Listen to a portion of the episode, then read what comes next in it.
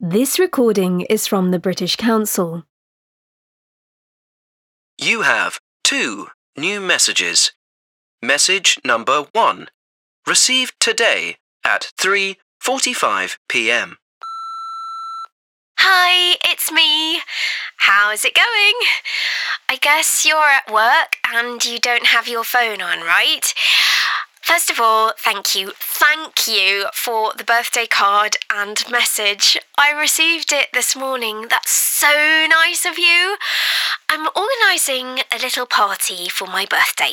It's nothing very big, only a few of my best and closest friends. That means you too. We're going to have it at my cousin's house. She lives in the countryside in a nice big house with a swimming pool. I'd love to see you there. It's going to be this Friday. I'll send you the instructions on how to get there later, okay?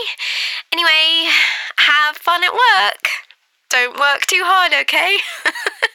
Talk soon.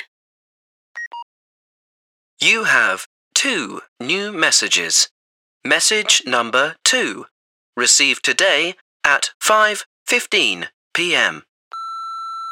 Aw, you're still not answering your phone. Okay, here are the instructions to get to my cousin's house for the party. Are you going to take your car? If you take the car, drive straight on Forest Road until you get to the motorway. Drive past Brownsville and take exit 13A. That's 13A. You drive down the road there and turn left. It's the first big house on the right, okay? If you're taking a bus, you can get the number 80 to Brownsville. Call me when you get there and somebody can pick you up in a car. I can't wait. This is going to be so great. This recording is from the British Council. To find more activities to practice your English, visit www.britishcouncil.org forward slash learn English.